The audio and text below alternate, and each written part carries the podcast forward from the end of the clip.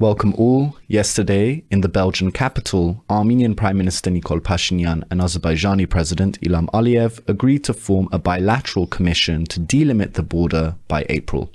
I'm joined, I'm joined now by CivilNet contributor Tigran Grigoryan to discuss this. So, Tigran, thank you very much for your time. Thank you for inviting me. So, with regards to this bilateral commission, what did you think when you saw this news? I think it's a significant backtrack for Armenia from its previously stated position. As you know, it was clearly stated in the Sochi statement of uh, November tw- uh, the 26th that before establishing a bilateral commission on delimitation, demarcation, concrete steps um, had to be taken to stabilize the situation on the Armenian-Azerbaijani border to create environment conducive uh, to this process. Um, I predicted months ago that Armenia would eventually abandon this position because Azerbaijan is using its coercive diplomacy and it is quite it has been quite effective uh, so far. So that's what ha- actually happened. Armenia abandoned its position.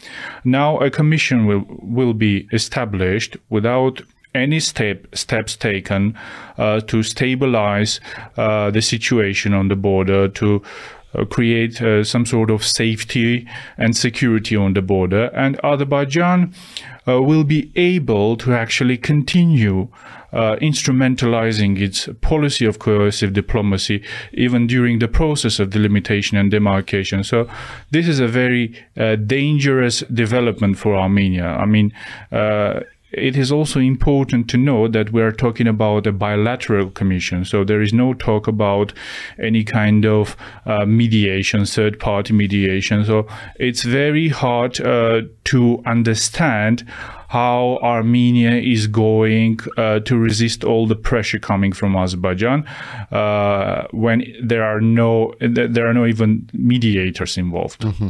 And when Azerbaijan committed major incursions in November 2021, shortly after we saw the Sochi agreement and a flurry of diplomatic activity. And you mentioned that Azerbaijan's diplomacy has been quite uh, coercive. What should Armenia do then in those circumstances when Azerbaijan's aggression kind of forces the Armenian side to to the table?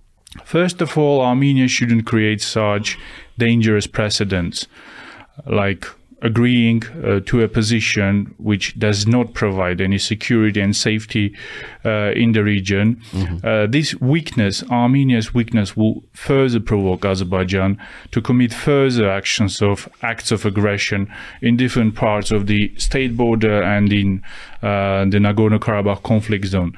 Uh, so th- this is very dangerous, and this is the, not the first time Armenia uh, has been abandoning its earlier declared uh, declared positions. Uh, we remember that after the Azerbaijani incursion into the sovereign territory of Armenia in May 2021, the Armenian officials, the government of Armenia, stated that uh, no negotiation process would resume until the Azerbaijani uh, forces are actually uh, Azerbaijani forces actually leave the territory of Armenia.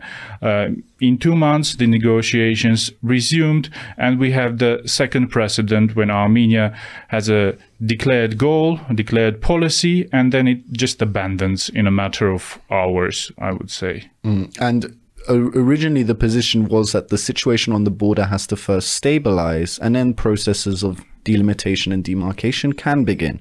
Uh, we saw what happened in Parukh in Nagorno-Karabakh recently that left three Armenian soldiers dead.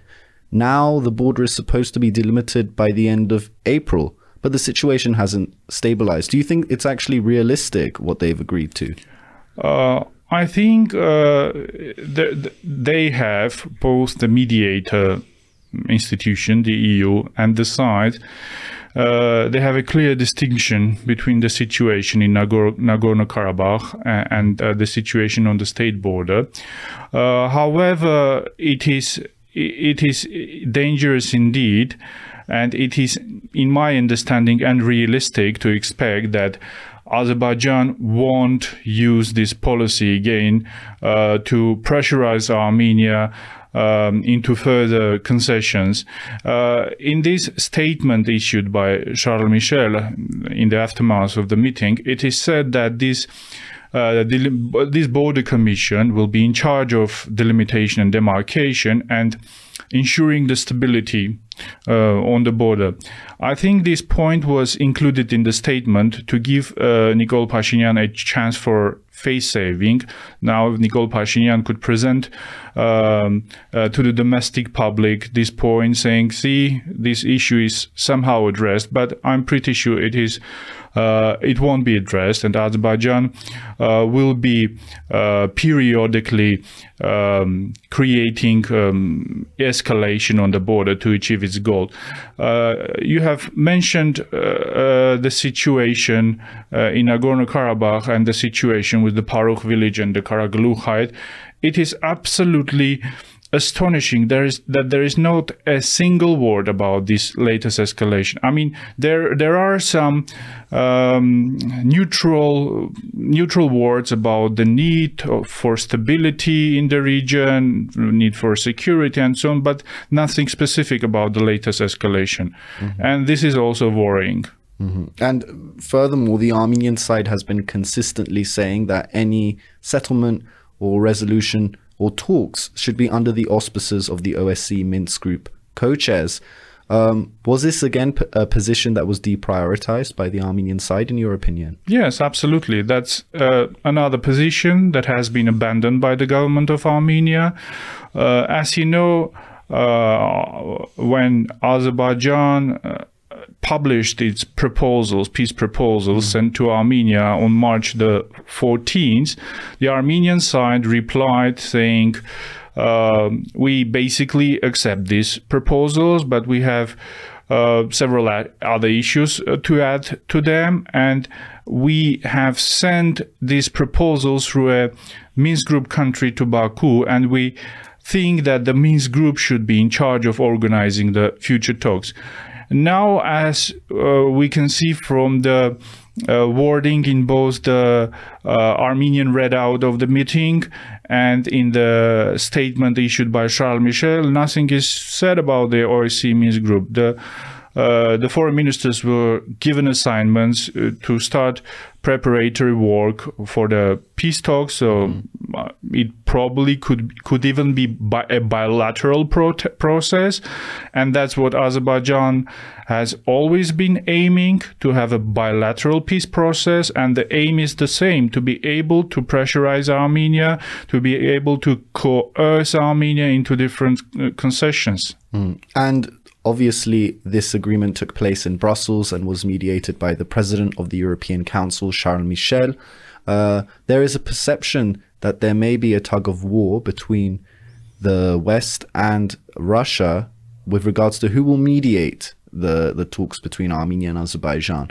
Uh, what do you think of that perception? Do you really think there is such a thing going on, a tug of war?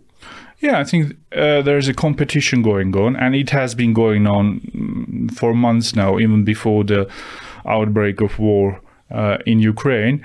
And it is very interesting that these meetings, uh, mediated, organized by the European Union, have been more productive than the meetings uh, organized by Moscow.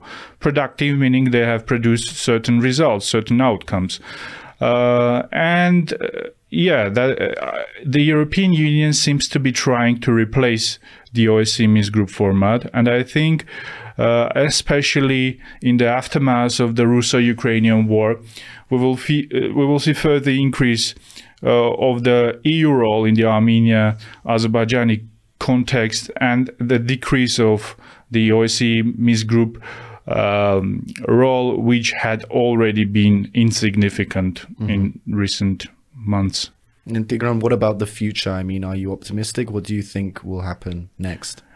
No, I'm not optimistic at all. What I'm seeing now is an attempt uh, by the European Union, by a mediator institution, uh, to establish a peace, um, a victor's peace, at the expense at the, at the at the expense of Armenia, when Armenian interests uh, interests are not taken into into consideration at all. This is the third statement issued by the uh, president of the European Council when there is not a single word uh, said about Nagorno Karabakh or the Nagorno Karabakh conflict. And that is outrageous, uh, taking into consideration the situation we have in Nagorno Karabakh, uh, the situation of uh, creeping, creeping ethnic cleansing, mm-hmm. uh, the Azerbaijani policy of uh, creeping, creeping uh, ethnic cleansing.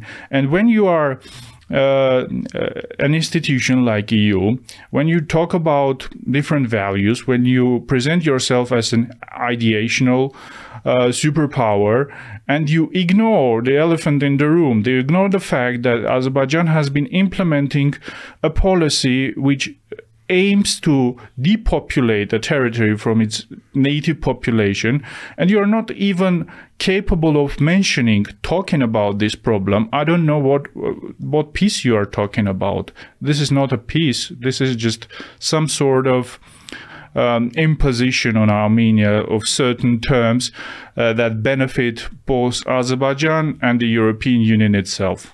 Okay. Well, Tigran, thank you very much for your time. Thank you.